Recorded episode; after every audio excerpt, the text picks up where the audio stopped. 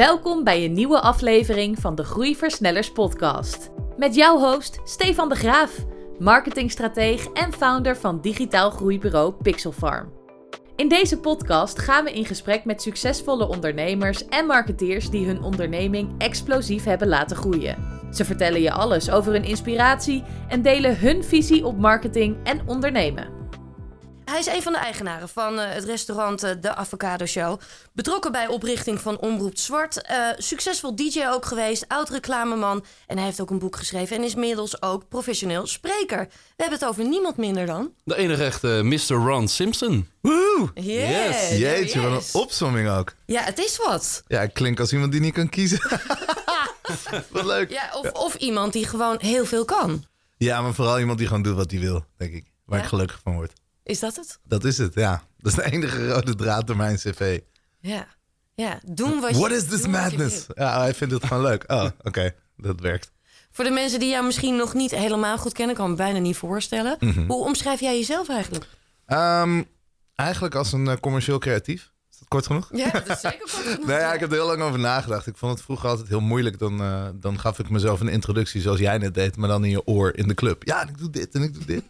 en daar werd ik helemaal gek van. Dus ik probeerde mezelf eigenlijk eh, een creatief die zichzelf in een hokje wil stoppen. Dat is heel vreemd. Maar dat is wat ik probeerde te doen. En ik kwam erachter dat ik extreem creatief ben. Ehm, dus heel veel impulsen heb, heel veel concepten bedenk, heel veel van dat soort dingen doe. Maar dat eigenlijk mijn eh, USP was dat ik ook de andere kant bezit. En dat ik dus eh, het commerciële of het soort van verwezenlijken ervan ook eh, beheers. En de combinatie daarvan, dat was gewoon heel gek. Want ik ken heel veel creatieven. Mijn hele vriendenkring is creatief.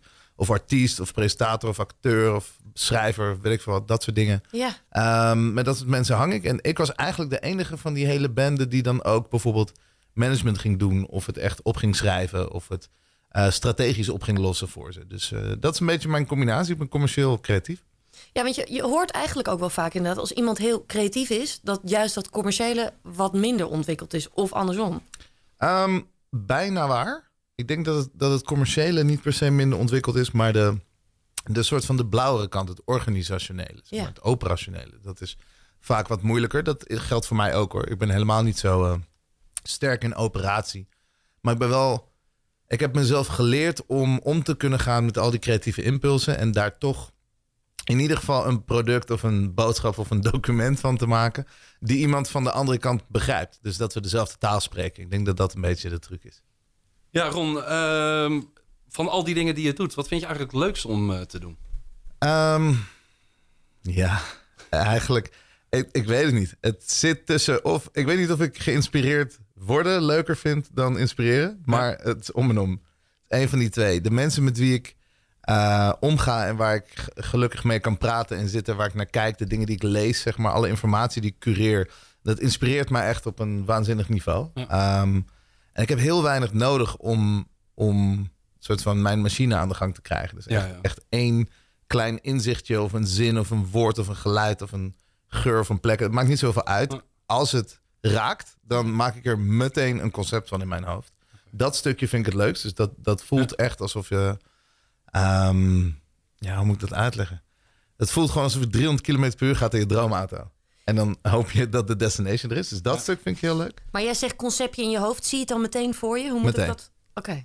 Ja, meteen. Me- Kijk, voor mij is een idee is eigenlijk vrij simpel. Dat kan in één zin ongeveer. Ja. Sterker nog, dat moet in één zin. Mhm. Ehm, en een concept is dat idee bekeken vanuit alle kanten. Dus heb je het maximale eruit gehaald? Begrijpt iedereen, elke type persoon waar je het over hebt? Is het waterdicht, bulletproof of weet je wel? Ja. Dat is voor mij een concept, want dan is het helemaal rond. Ehm, dus dat maak ik op basis van één zo'n ja, ingeving. Zeg, oh ja, dit is dat. En dan zie ik ineens, als een soort van matrix, gaat mijn eh, ervaring en mijn talent, denk ik, en mijn gedachtegang, die gaan in een soort rollercoaster. En dan komt onwijs snel komt daar een, eh, een concept uit. Ehm, en dat vind ik heel erg tof. En te- dus dat is een soort van de creatiekant ervan. Dat vind ik echt heel vet. En de, de andere kant vind ik dus ook heel tof. Want ik merk dat ik ehm, gelukkig op een of andere manier mezelf aardig kan verwoorden. En een soort van uit kan leggen wat er nou precies gebeurt. Op een manier dat anderen me toch nog begrijpen. Hm. Ehm, en de seconde dat je dan zo'n klik hebt, of je nou op een podium staat of een podcast doet of whatever. En je merkt van, hey, ik geef mensen uh, little pieces of wisdom. Een paar sleutels om deuren te openen. Of een beetje inspiratie. Dat gevoel vind ik ook goud. Dus dat zijn mijn twee favoriete dingen waar ik echt niet tussen kan kiezen. Ja, dat je ook echt ziet dat je misschien ook weer iemand anders prikkelt. Dus dat je zelf in, in ieder geval aangaat door iets. Juist dat. dat. je iemand anders ook weer aan ziet gaan. Doordat jij misschien net iets kleins zegt of...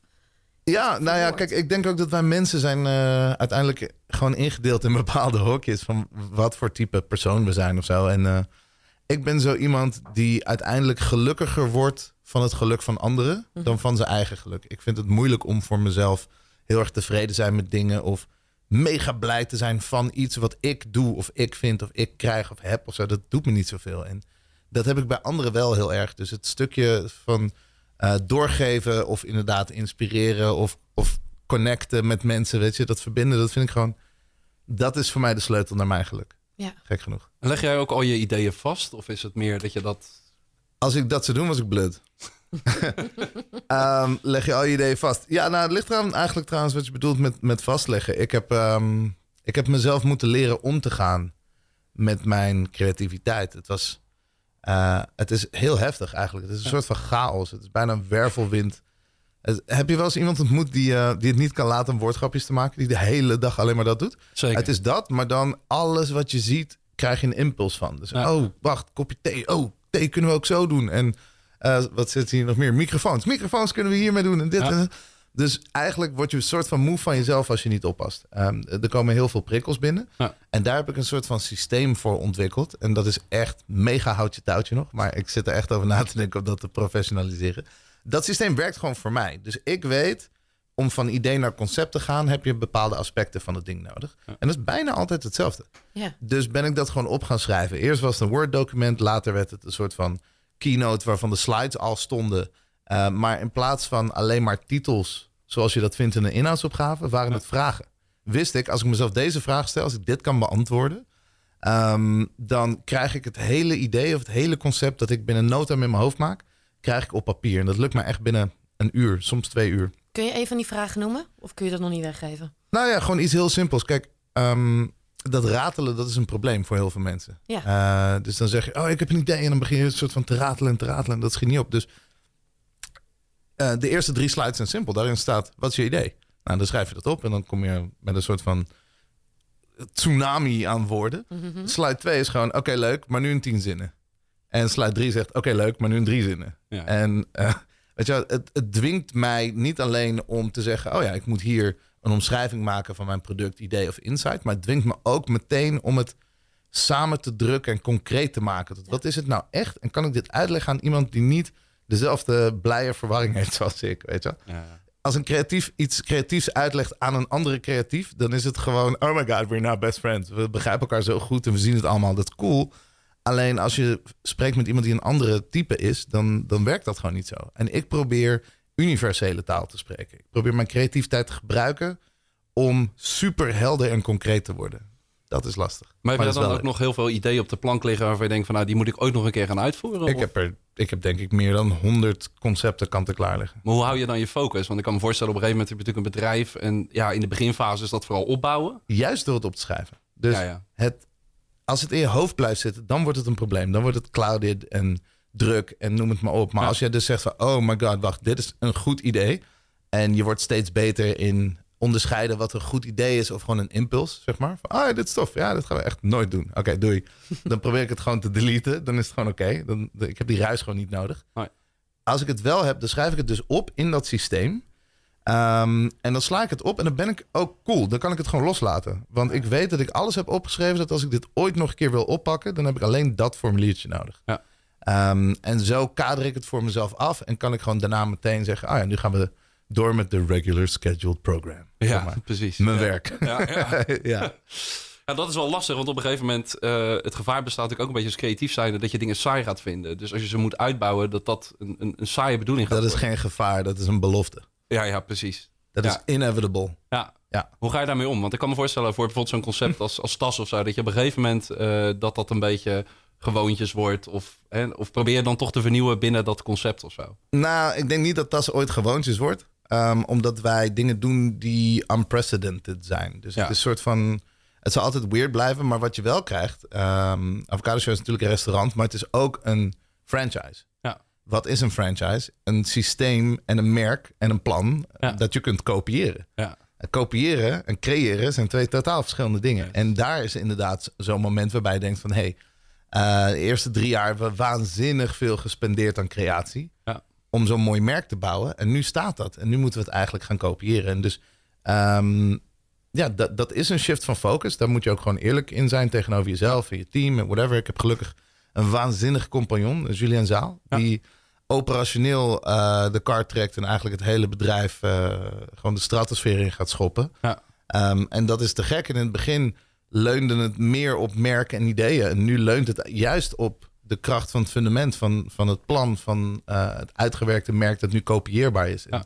En nu is het zeg maar zijn tijd om echt te gaan shinen daarmee. En, en worden zijn rollen belangrijker. Dus ja, dat gebeurt.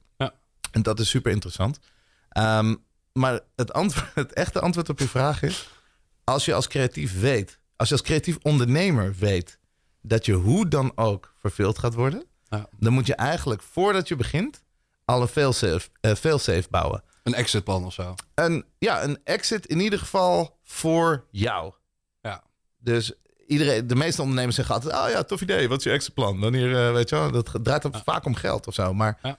In dit geval is dat niet zo. Als jij gewoon weet van, oeh, ik heb een eh, aandachtspan van twee jaar. Dat kan. Je leert jezelf kennen. Dan kun je gewoon zeggen, kan ik niet een model verzinnen waarbij ik elke twee jaar opnieuw mag beginnen? Ja. Als bedrijf. Ja. Dat dat ook van je verwacht wordt. Ja. Dat elke keer dat jij een idee hebt, dat je, dat je compagnons niet naar je kijken van, ugh, hij is weer afgeleid. Maar dat je gewoon applaus krijgt. Ja, hij heeft weer een nieuwe, weet Ja. je wel? Je kunt dat gewoon zo insteken. Als je een bedrijf op die manier vormgeeft, dan kan dat. Alleen we zijn zo gewend om de andere manieren in te zetten dat het eh, is wat het is. Eh, we hebben eigenlijk zojuist al heel veel eh, besproken. Eh, maar Stefan, jij hebt eigenlijk ook nog wel een tweede vraag. Hè? Zeker, zeker. Ik ben wel benieuwd, als je al die dingen doet, hoe hou je een beetje energie en focus op peil? Want creatieve mensen, die, ja, die gaan ook snel naar beneden qua energie natuurlijk. Als je continu maar nieuwe ideeën aan het bedenken bent, continu eigenlijk ja, bezig bent met, eh, met innovaties, dat soort zaken. Mhm. Hoe hou je een beetje je energie op peil? Ehm, ik denk dat het laatste ding ter wereld waar ik last van heb, is te weinig energie. Het is gewoon, al sinds kinds af aan word ik wakker en race ik. En ik krijg energie van allerlei dingen. Ik krijg energie van eh, muziek, van verhalen, van mensen, van inspirerende dingen, toffe artikelen. Het maakt niet zoveel uit. Dus zolang ik doe wat ik leuk vind, ben ik super hoog in mijn energie. Ja. De seconde dat dat niet zo is, dan stort het eigenlijk helemaal in. Dan wordt het een soort van een sleur en vind ik het niet meer leuk en dan voel ik me ook ineens moe. Is dat iets wat je geleerd eh, hebt de afgelopen jaren? Of is dat iets wat eh, gewoon al inzicht is wat je gewoon altijd gehad hebt? Nou, dat was het altijd wel. Alleen, kijk, ondernemen of überhaupt life is iets wat in balans staat, toch? Dat is Ja. iets waar je Ja. altijd dingen zult moeten doen die je niet tof vindt. Altijd nieuwe dingen moet leren. Maar mijn focus is echt van, kan ik mijn leven zo inrichten dat het gebaseerd is op wie ik ben en wat ik kan? Want dan draag ik het meeste bij en word ik gelukkig. Ja. Dus ik, ik, I- ja, ik heb nul problemen met andere dingen doen. Ik wil best taken uitvoeren. Ik ben nergens te goed voor, absoluut niet. Alleen ik merk dan dat ik minder bijdraag dan dat ik zou willen. En Ja, dat ja. is de reden waarom ik altijd probeer te kijken van... hey, kunnen we niet iemand eh, op de juiste plek krijgen de hele tijd? Zowel ikzelf als iemand anders die excelleert in wat daar eigenlijk moet gebeuren. Ja, ja. Nou heb jij natuurlijk heel veel verschillende dingen gedaan. Hè? Daar begonnen we eigenlijk al mee. Mhm. Je doet heel veel verschillende dingen. En je bedenkt dan een idee. Maar het vervolgens ook laten groeien. Dat is nog eigenlijk nog weer een tweede. Ja. Hoe, hoe, hoe doe je dat? Hoe blijf jij groeien? Nou, ehm, de truc is dit. Ideas ain't shit. Echt helemaal niks. Iedereen heeft ze. Ehm, je denkt dat je briljant bent. Dat, eh, dat denk ik elke dag. Dan denk ik, oh wauw, dit is te gek. En mensen geven je heel veel complimenten als je een goed idee hebt. Maar het heeft geen nut als je het niet uitvoert. Nee. En het heeft ook geen nut als je geen netwerk hebt. Het heeft geen nut als je niet weet hoe het groeit. En het, je moet het eh, financieel rondkrijgen. Er zitten allemaal externe uitdagingen aan. Ehm, en dat is het verschil tussen alleen een creatief of een ondernemer, denk ik. Ik bedoel, er zijn genoeg creatieven die de hele dag ideeën eruit gooien. Te gek. Ja. Maar die bal geven iemand anders en dan moeten ze rennen. Nou, in mijn geval is dat anders. Ehm, en dat komt denk ik omdat ik dus niet alleen ideeën heb, maar ik heb concepten. En die concepten, daar hoort ook een stukje business model bij. En daar hoort ook de markt bij. Maar daar hoort ook talent bij. En die moet je kennen en weten. En mijn geheime wapen in mijn leven is altijd mijn netwerk geweest. Ik weet precies wie wat waar doet. En daar ben ik ook nog eens cool mee. Want ik vind het leuk om met dat soort mensen ja, memories te maken, leuke dingen te doen. En dan uiteindelijk weet je gewoon waar iedereen zit en kun je heel snel schakelen. Ja. Ehm, en dus dat is eigenlijk een beetje het hele grote verschil. Van je kunt wel ideeën hebben, maar als je, ehm, als je het hele plaatje niet ziet, dan zul je sowieso niet echt kunnen ondernemen, denk ik. En als je wel onderneemt en je ziet het hele plaatje, dan is het gewoon een kwestie van ook de juiste mensen om je heen verzamelen om groei te kunnen verwezenlijken. Ja. Ehm, 9 van de 10 keer is er altijd iemand die slimmer is of rijker of beter in de uitdagingen die je hebt. Leer die mensen kennen. Ja. Weet je, net zoals dat ik het leuk vind om andere mensen te inspireren en te helpen, vinden andere mensen dat ook. Dus als zij op een of andere manier op knopjes kunnen drukken om jou verder te brengen, of kunnen zien hoe jij groeit, ehm, en of ze nou zelf een onderdeel daarvan zijn, of baat eruit halen, of, of niet, dat maakt niet zoveel uit. Uiteindelijk wint dan iedereen. En dat is denk ik de truc. Van om te groeien moet je weten waar je heen wil. Dat is één. En je moet weten hoe het werkt. En dan moet je echt eh, met je hart kiezen met wie je dat gaat doen. Ja. Ja.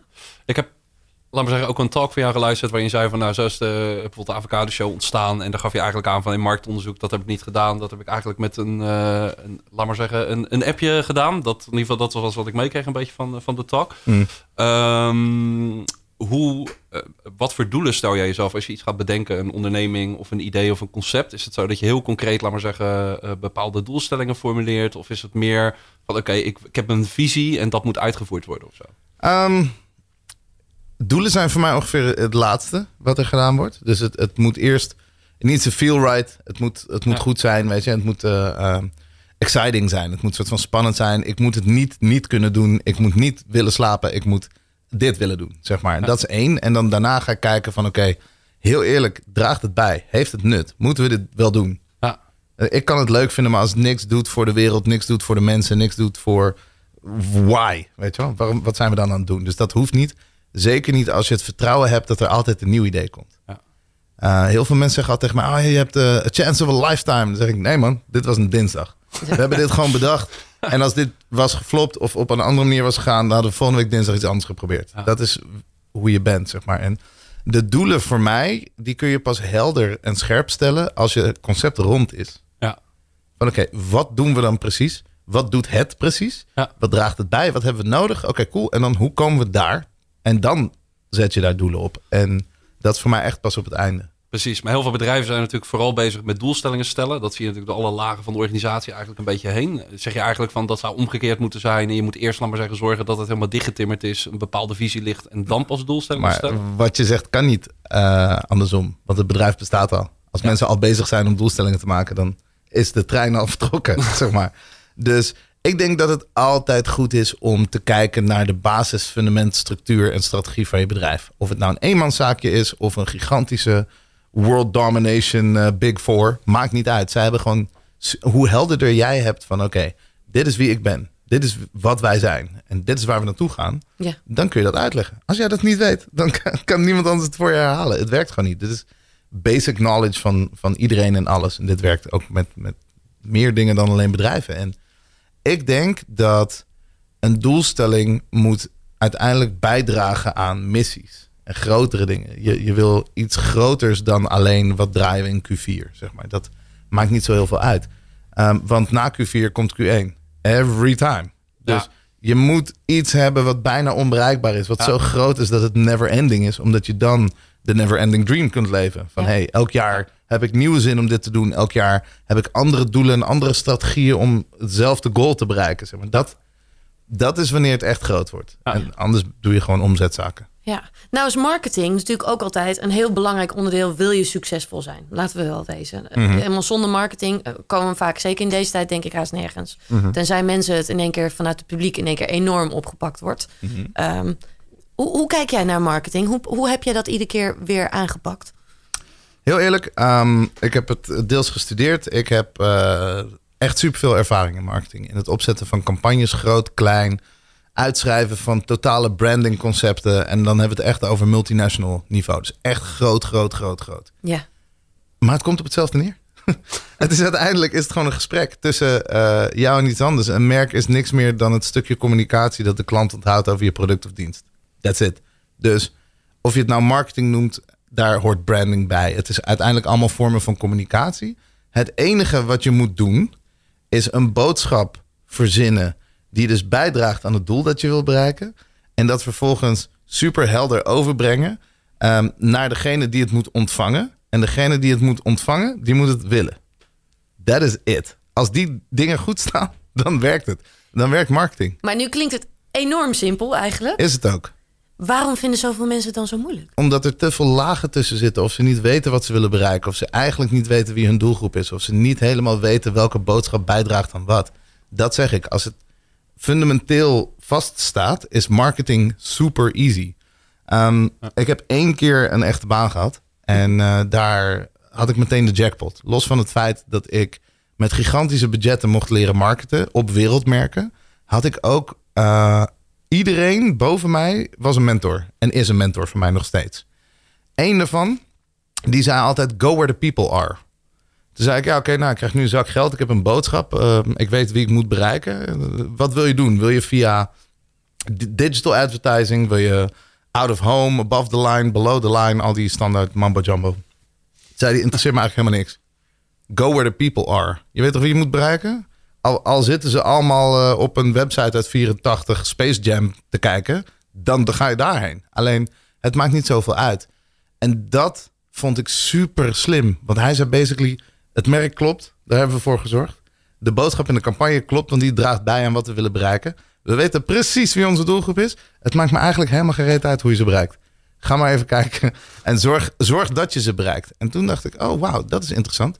Want ik ken ook bedrijven die zeggen: ja, nee, maar we moeten. Ik wil wel heel graag op uh, Spotify zijn. Of ik wil heel graag op uh, dit kanaal zijn. Of per se Instagram inzetten. Of whatever, whatever. Terwijl er dus andere kanalen zouden kunnen zijn die veel effectiever zouden zijn. Of waar veel meer geconcentreerdere groepen van jouw doelgroep zit. Of whatever. Dus ik heb geleerd dat zolang je uh, product, doel, boodschap en weten waar ze zijn, doelgroep vinden, klaar. Merk je ook dat, laat maar zeggen, bij, dat is allemaal heel creatief, de campagnes bedenken, dat soort zaken. Merk je ook dat die creativiteit bij een hoop bedrijven afwezig is? Want dat is wel wat ik in ieder geval zie in de Hmm. praktijk ook. Ik denk dat het grootste probleem is dat de uh, beslissingsmaker geen creatief is. Dus volgens jou zou eigenlijk de beslissingmaker een stuk creatiever mogen zijn als uh, dat ze nu zijn? Absoluut niet. nee, de, degene die de beslissing maakt of aftekent, die moet heel goed zijn in finance. 9 ja. van 10 keer. En dat is fijn. Dus hij hoeft niet ineens een uh, creatief wonder te zijn. Hij moet gewoon vertrouwen hebben in zijn creatieve wonder. That's the only thing. Soort van, en dat gebeurt vaak niet natuurlijk. Nou, het is, het is gewoon moeilijk. Kijk, hoe groter en hoger je komt, ja. um, degene die aftekent, uh, zijn ass is on the line. Of haar ass trouwens, tegenwoordig vind ik nog veel leuker. Um, maar dat, dat wil dus zeggen dat als jij gigantische tv-reclamecampagnes maakt en je moet aftekenen voor 4 miljoen. Ja, dat is, dat is uh, leap of faith, kan ik ja. je vertellen. Weet je? Ja. En weet de creatief dan genoeg? Voor mij is het meer van als je alles duidelijk afkadert. Dus als degene die, die de mediaplanning doet en dus de daadwerkelijke uitgaves kan be, uh, soort van omschrijven, beargumenteren en bevestigen van hé, hey, we gaan die doelgroep raken. Dit geld wordt goed uitgegeven. Het kan aangepast worden, noem het maar uit. Dat stukje is één ding en de creativiteit daarvan loskoppelt en zegt iemand anders gaat het concept maken van deze boodschap en de look en feel en hoe dat eruit ziet. En dat is het enige wat zij moeten leveren. Dan zou het allemaal werken. Maar heel vaak proberen we alles van één persoon te vragen en zeggen we hey, je moet het economisch snappen, je moet ook het idee hebben, je moet een art director zijn, je moet, weet je wel, hoe kan het toch zijn dat een econoom aftekent op een, op een art direction call? Dat is toch ja, raar eigenlijk? Ja. Ja, vaak zie je natuurlijk ook wel dat het een, een soort van uh, samenstelling is van meerdere dingen. Dus er wordt altijd een beetje het midden, de middenwee wordt, uh, wordt gekozen eigenlijk. Dus mm-hmm. dat is vaak ook, des te creatiever het is, des te groter misschien de impact gaat zijn. Maar het kan ook zijn dat het natuurlijk compleet faalt. Dus Tuurlijk. vaak zie je dan dat het ergens een beetje tussen het midden of zo, dat daar dan de richting gekozen wordt. Ja, ja dat gewoon een wel... beetje risico nemen in je leven. Ja, precies. Prima. precies ja. Uh, wat zijn dingen die minder goed zijn gegaan of dingen waar je lessen uit hebt uh, geleerd? Um...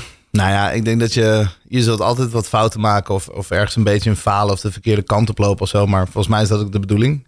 Zeker. Als Zeker. je wat wil leren. En ja, mensen zeggen altijd dat zijn eigenlijk je grootste groeimomenten. Hè? Juist als je dingen fout doet. Absoluut, ja. En soms moet je ook dingen afstrepen om, te zeker, om zeker te weten dat het niet werkt. Um, ik heb niet echt een mega blunder of zo op mijn naam staan. Um, niet dat ik het erg zou vinden, maar gewoon ja, ik zou je daar niet echt iets fatsoenlijks over kunnen vertellen. Maar wat ik wel heel erg heb geleerd is dat. Um, en mensen vinden het altijd eng als ik dit zeg, maar ik vind mijzelf oprecht een van de betere creatieven op deze planeet. En ik heb echt geleerd dat eh, ik daardoor niet goed ben in andere dingen. Of het niveau niet haal wat ik wel met creativiteit haal. Als het op andere aspecten aankomt. Dus mijn grootste learning was eigenlijk hoe belangrijk het is om dat te weten van jezelf. Een stukje zelfkennis. Hoe belangrijk het is om je team nog zorgvuldiger samen te stellen. Teampartners maakt allemaal niet uit. Maar om gewoon echt te zorgen dat iemand op het niveau dat jij jezelf ziet. Bijvoorbeeld op creativiteit. Ehm, kijk ik ook naar uh, Jules op uh, operationeel vlak. Of weet je wel, de designer bij ons is ook echt waanzinnig goed. Het is ongekend. En die, dat vind ik vet. Ik, ik, zie alleen maar uh, waterbranden om me heen. Mensen zijn zo waanzinnig unicorn-achtig goed bezig. Dat ik denk van, oh ja, dat is vet. En dat heb ik wel echt een beetje moeten leren. Dus in het begin, mijn eerste paar bedrijven waren altijd gebaseerd op... Oh, ik ga met vrienden wat doen. Of ik, kijk naar een kleinere markt. Oh ja, we willen Amsterdam veroveren. Of we willen, weet je wel, dat valt allemaal wel mee. Um, en dan, dan blijf je in je mindstate, is alles een beetje klein. En heel vaak zie je dat um, economisch schalen vanzelf gaat. Dat had ik ook. ik had nog nooit van mijn leven oprecht over een miljoen euro nagedacht voor, voor de avocado show. Een miljoen was een droom. Weet je wel? Nu is een miljoen bij wijze van spreken gewoon een spreadsheet. Het is gewoon een, een budgetding, omdat je dat goed uit moet gaan voeren. En uh, het eh, gaat over meerdere landen en je hebt een investering en omzet. Het moet allemaal lukken, zeg maar. Um, maar dat was iets wat ik nooit echt, echt had laten landen bij mij. Nou, dat gebeurt bij heel veel mensen. Dat wordt groter. Dus je gaat van duizenden naar tienduizenden, naar tonnen, naar miljoenen denken. En dat schaalt normaal. Maar wat niet automatisch schaalt, is eigenlijk dezelfde vraag, dezelfde groei, maar dan met talent.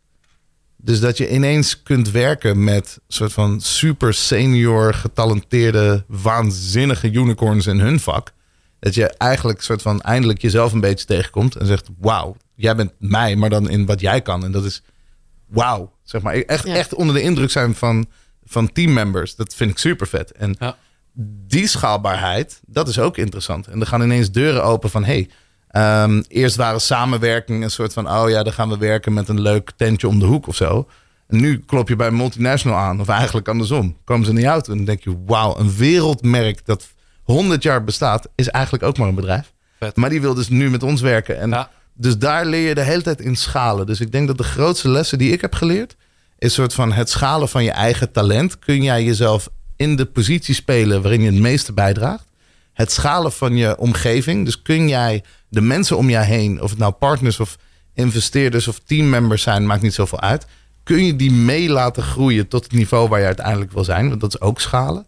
Um, en daar komt dan van alles bij. Of dat nou finance is of andere dingen, dat schaalt vanzelf wel mee. Uh, en dat is iets wat ik echt had onderschat in het begin. Of niet eens. Ik had het niet eens onderschat. Ik heb er überhaupt niet over nagedacht. Dus de mensen om je heen, het netwerk, laat maar zeggen, mensen die inderdaad jou compenseren bij bepaalde dingen, waar je zelf niet zo sterk in bent, dat is echt super belangrijk om. Uh... De snelheid van je groei en de snelheid van je bedrijf is echt direct gelinkt aan je team. Ja. en sommige mensen uh, die betaal je het dubbele, maar die gaan gewoon lightspeed. Woem, die zijn net zo gepassioneerd of die begrijpen alles, die hoef je niks uit te leggen, zijn zelfstandig leren jou alles ongeveer en racen gewoon. En daarvoor zit je met drie mensen te werken die je allemaal lief en leuk vindt. Ja. En het is gezellig. En het gaat met um, de snelheid van je omgeving. Dat is de truc. Mensen meten het vaak af met de mensen om zich heen. Maar je moet eigenlijk veel verder kijken en zeggen van... hé, hey, als jullie allemaal sterren zijn, ben ik een komeet. Let's go. Weet je wel, gewoon naar boven toe. En dat is iets wat we echt hebben moeten unlocken of zo. Voor mij was uh, vooral het avocado show avontuur is echt een opleiding geweest. Ja? Ja, echt. Ik ben totaal niet meer wie ik was. Mooi. Ongelooflijk, hè? Hoe je daar dan ook weer... Maar ook als ik het zo hoor, juist ook door de mensen om je heen... daardoor groei je alleen maar nog weer harder. Alleen maar door hun. Het had niks met mij te maken. Ik ben zo dankbaar voor iedereen. Van een Sean Harris die, die zo'n gigantisch bedrijf heeft gebouwd... die zo onwijs veel vertrouwen heeft in zo'n start-up en ons echt adviseert en helpt en soms op de vingers tikt en soms weer niet. Ik was echt in twintig jaar niet op mijn vingers getikt. Zo ik bedoel? En dat vind ik lekker ja, soms. Ik wou net zeggen, dat is ook wel weer lekker. Ja, tuurlijk. Omdat ja, het voelt kut en ik vond het vervelend. En soms moeten we wat dieper gaan. Maar uiteindelijk kom je eruit en zeg je, ja, ze heeft gelijk. Ja. En, heb je dat gewoon ook even nodig. Ja, en Julien en ik, wij waren vrienden. Dat is soms uh, uitdagend, zeggen mensen, weet je wel. Maar dat is bij ons nooit het geval geweest. Als hij het ergens niet mee eens is, dan zegt hij dat. Als hij me op mijn vingers wil tikken, dat mag. Andersom ook. En we respecteren elkaar gewoon heel erg. En ehm, het, het klopt. We, hebben, we zijn een beetje yin en yang, maar we begrijpen wel wat we doen van allebei de kanten. En Ja. Dat is gewoon heel erg tof. En ik, ik, ja, man, ik ben echt onder de indruk van het team dat we hebben kunnen bouwen. Echt. Ja. Ja, te gek. Ja. Nou, nou, nou heb jij al heel veel gedaan, hè Ron? Eh, wat zijn nu de toekomstplannen? Waar, waar ga jij heen? Ehm, ik wil eigenlijk maar één ding doen. Zeg En dat maar. is? En dat is. Nou, net als iedereen. Ik denk dat je gewoon gelukkig moet willen zijn. En ehm, ik haal heel veel van mijn inspiratie komt uit de muziekindustrie. Eh, ik vind muziek super interessant, omdat een muzikant, een, een soort van gitarist op een strand, is letterlijk net zo blij, misschien nog wel blijer, dan een, een eh, super idool, dan Bieber, zeg maar. En dat heeft me altijd gefascineerd. En ehm, iemand zei ooit tegen mij van... als muzikant, als je die dag muziek hebt mogen maken... heb je al gewonnen. Heb je gewoon gewonnen. That's it. You, you won that day. Je kunt Ja. trots naar bed. Ja. Wordt het een hit? Heeft het een miljoen streams? Weet ik veel. Maakt niet uit. Dat is bijzaak. Je hebt muziek kunnen maken die dag. En als jij de rest van je leven zo kunt indelen... dat je muziek kan maken, dan ben je eigenlijk gelukkig. En toen ging ik daarover nadenken. Toen dacht ik, ja, dat geldt voor mij ook qua creativiteit of creatie in ieder geval. Van als ik de vrijheid zou kunnen behouden, de rest van mijn leven, om ideeën om te zetten in concepten, met of zonder mensen, eh, groot of klein, maakt niet zoveel uit, dan ben ik gelukkig. Dus dat ga ik sowieso doen. En dan heb je dus de commerciële, competitieve kant van mij die zegt, en dan word je daar nummer één in. dus ik weet in ieder geval wat ik wil doen. Ehm, dus het concept is, is simpel. Ik wil de rest van mijn leven creatieve ideeën omzetten in succesvolle concepten.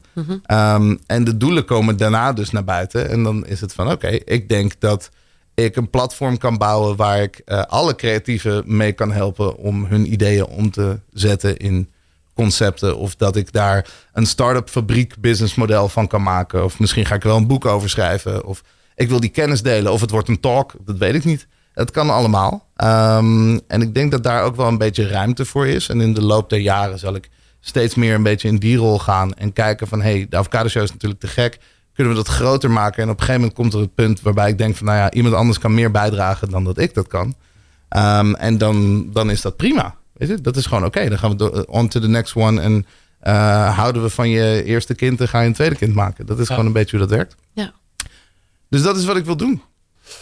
Heb jij nog een, eh, een aantal tips die je kan meegeven aan bedrijven? Want we hebben het net gehad over netwerk, laat maar zeggen, concept Mhm. wat belangrijk is. Zijn er nog een aantal concrete tips op het gebied van marketing dan we ondernemen? Eh, misschien voor ondernemers die op dit moment vastzitten omdat ze niet verder kunnen groeien vanwege de coronacrisis of andere dingen waarvan je zegt van, hey, wil ik Zeker. je echt een schouwe tip meegeven. Jong talent. Jong talent. Jong talent heeft bewijsdrang. Jong talent heeft inzichten die jij niet hebt. Jong talent is, eh, denkt in principe inside the box van hun eigen wereld, maar totaal outside of the box voor jouw wereld. Want er zit gewoon een, een generatiekloof tussen. En dat vind ik gewoon heel erg interessant. Ik, eh, ik volg heel graag mensen zoals eh, Tim van der Wiel bijvoorbeeld, die ehm, van Go Spooky. Vind ik een super interessante gast, die, die dan op zo'n jonge leeftijd zo'n gigantisch bureau bouwt voor social media marketing. Ongekend. Ja. Nou, als je die bijvoorbeeld volgt op LinkedIn, ehm, dan, dan word je al zoveel wijzer van.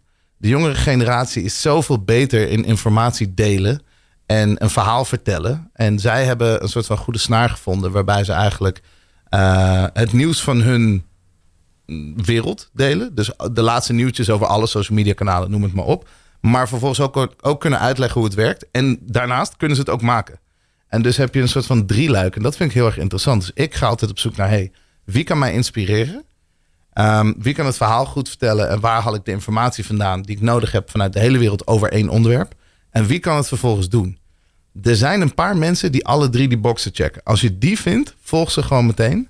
Ja. Ehm, en dan leer je gewoon waanzinnige dingen op internet. It's free. It's beautiful. Ja, nou leggen we wel echt, eh, nou ja, Steven zei het zo ook al, eh, we leven best wel in een uitdagende tijd. Zeker. Ook horeca-ondernemers, zullen jullie Juist, misschien ook ik wel ervaren, eh, die hebben het nu enorm zwaar. Ja. Ehm, wat zou je tegen hun dan echt zeggen? Ja, dat is een goede vraag. Kijk, ehm, horeca is een ingewikkeld ding omdat je natuurlijk een locatie hebt en ze zijn heel erg afhankelijk van de regels van andere mensen of van ehm, elke persconferentie die uitkomt, zeg maar. Dus daar, dat is lastig omdat je daar niet echt controle over hebt. Het eerste wat ik wel weet, wat ik ook gewoon eh, met alle liefde deel, is dat die soort van shift en focus naar, oh, nu gaan we delivery doen. Dat is hem niet per se. Dat is niet het gouden antwoord. Want de marges daar zijn niet goed. En uh, er is een reden waarom we niet allemaal takeaway tenten zijn. Dat gaan we hierna ook niet willen zijn. Want dat werkt gewoon nog niet. Dat systeem werkt nog niet. Wat kun je dan wel? Nou ja, wat ik zeg. Mensen die dus kunnen inspireren. Mensen die het kunnen doen. En mensen die het kunnen vertellen. Als ik een Joris Beidendijk zie. Of een Jamie van Heijen. Twee chefs. Die waanzinnige dingen aan het doen zijn. Als ik een Samuel Levy zie. Die eigenlijk een chef is. Ook een bedrijf heeft. Um, maar tegelijkertijd gewoon de hele branche probeert te helpen tegelijkertijd. Daar word ik heel erg door geïnspireerd. Ik zou nooit doen wat hij doet. Dat zijn zijn ideeën en dat is zijn netwerk en dat is whatever. Maar elke keer dat ik dat zie, denk ik, oeh, hoe kan ik, hoe kan ik een Samuel Levy zijn voor mijn wereld? Hoe kan ik de Joris Beidendijk zijn voor, voor, voor mijn situatie? Hoe kan ik, weet je wel? En ik vind dat gewoon interessant. Voor mij zijn de mensen groter dan de ideeën. Um, en ik hou van mensen die, die dus meerdere ideeën hebben. Als je een groot persoon weet te vinden die daar goed in is, die constant inspiratie levert, dat vind ik fantastisch. En daar zijn er gewoon best wel een paar van. Dus eigenlijk is mijn nummer één tip, ook voor horeca-ondernemers, maar eigenlijk voor alle ondernemers, is cureer je informatie-intake. Als je alleen maar de krant leest, word je depressief. Ik ook. De, dat is gewoon zo. Maar ik cureer mijn informatie-intake. Ik zorg dat ik op social media de dingen volg die mij inspireren. Niet die mij stress geven. Ik zorg dat ik de juiste mensen ken en volg. En waarschijnlijk ook nog toevoeg aan mijn netwerk. Die hetzelfde doen. Die echt het verschil maken en aan het winnen zijn. Wat kan er wel? Ik was laatst naar een talk van uh, Duncan Stutterheim. Dat was de, de, rode draad door zijn hele verhaal heen. Bij Business on Stage. Die gozer die zit daar. Die zegt ja, ik ben betrokken bij, ik weet niet of het 11 of 17 bedrijven was, maar echt gigantisch veel bedrijven. Die allemaal te maken hadden met de evenementindustrie. En die kregen gewoon een mokerklap. Pam. Ja. Hij zei gewoon van, in alle bedrijven zijn we gewoon gaan kijken van, hé, hey, wat kan er wel? Let it go wat er niet kan. Weet je, je kunt erover klagen, je kunt schreeuwen, je kunt protesteren. Moet je ook allemaal doen als dat is wat je voelt. Ik kijk gewoon naar, de wereld is altijd in balans. Als iemand ergens verliest, is iemand ergens aan het winnen. That's it focus op, op de fire. Waar, waar is het wel aan de hand? Welke markt is, is wel aan het gaan? En, focus eigenlijk ook op energie. Daar waar de energie er ook echt is, of waar je energie van krijgt. Juist, je wil ook niet trekken aan een doodpaard of een situatie waarin honderdduizend mensen in dezelfde problemen zitten. Dan moet je echt jezelf in een andere situatie gaan brengen. Niet per se het probleem oplossen als je die kracht niet hebt. En dat is natuurlijk heel makkelijk gezegd, dat begrijp ik ook wel. Maar ik probeer persoonlijk daaraan bij te dragen door bijvoorbeeld, ik heb nu uh, creatieve sessies ingeboekt. Dat is een soort van brainstorm sessie gelinkt aan je eigen doelen en problemen en uitdagingen, juist in deze tijd. Iets wat ik nooit op dat niveau deed. Ik deed het heel hoog in corporate. Um, maar nu zei ik van oké, kan ik het betaalbaar maken en kan ik het een product maken? Want advies is zweverig, creativiteit is zweverig, is allemaal ingewikkeld. Wat nou als ik jou drie vragen uh, stel waarmee jij verder zou kunnen komen. En ik geef je drie uur van mijn leven. En in die drie uur garandeer ik je dat ik tot een antwoord kom voor je. Um, dan wordt het ineens tastbaar dan is het te doen. Dan heb ik een prijs aangehangen die ongeveer 25% is van wat ik normaal zou vragen. Um, en heel november volgeboekt. En wat daar gebeurt is, daar komen retail mensen op af. Daar komt horeca op af. Daar komt uh, starters op af. Maar ook scale-ups en allemaal mensen die soort van waanzinnige dingen hadden, maar toch op zoek zijn naar een perspectief van buiten. Um, dat is het ding. Praat met elkaar. Je kunt met mij praten, maar er zijn zoveel mensen zoals ik. Je kunt altijd even checken van hey, hoe gaat het bij jou? En kies dan iemand die in een positieve mindstate zit. En weet inderdaad waar de energie of waar het vuur is, waar iemand wel aan het winnen is.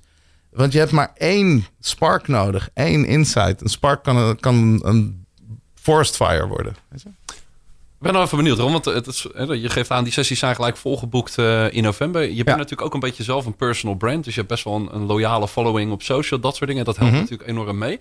Uh, is het een bewuste keuze ook geweest om dat personal brand te worden? Of is het meer gevolg geweest van al die dingen die je de afgelopen jaren hebt gedaan? Ik denk dat het begon toen mijn vader me Ron Simpson noemde en iedereen dacht dat het een artiestennaam was. Zo klinkt het ook wel een Toch? beetje. Ja. Dus mijn vader branded me, of mijn ouders eigenlijk.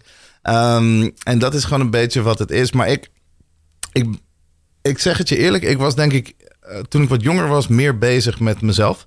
Dus heel erg van, hey, uh, ik wilde de dingen, ik wilde uh, niet per se de resultaten, maar ik wilde eigenlijk het gevolg hebben. En ik skipte de oorzaak. Dus ik zei van, net als iedereen, oh, ik wil rijk worden, of ik wil beroemd worden, of ik wil dit worden, of whatever. Je bent jong en je wil wat.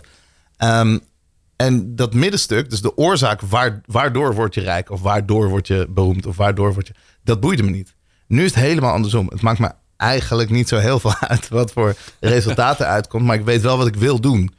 En uh, dat is op een gegeven moment is dat gewoon veranderd een beetje in een merkachtig ding. Dus ik merkte gewoon van als je op wil vallen, um, als je top of mind wil zijn, als je een kwaliteitsgarantie af wil geven, dan heeft dat houvast nodig. Ja. En in het begin gaf ik het allerlei naampjes en probeerde ik het allemaal te doen. En uiteindelijk, ongeacht hoe ik mijn bedrijf noemde of mijn nieuwe agency of whatever, er werd gebeld. Zei ze altijd: Ik wil Ron Simpson spreken. Precies. Ja. En dan kom je erachter van: Oh ja, shit, ik heb ook maar net zoveel uren per dag als Beyoncé.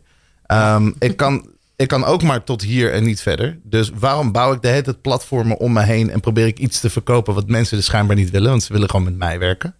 Dan maak ik mezelf maar het product. Fine. Dan gaat de prijs omhoog, want je hebt maar minder uren te verdelen over alles. En het wordt steeds beter en hoger en toffer. Maar die uitdaging vind ik juist vet.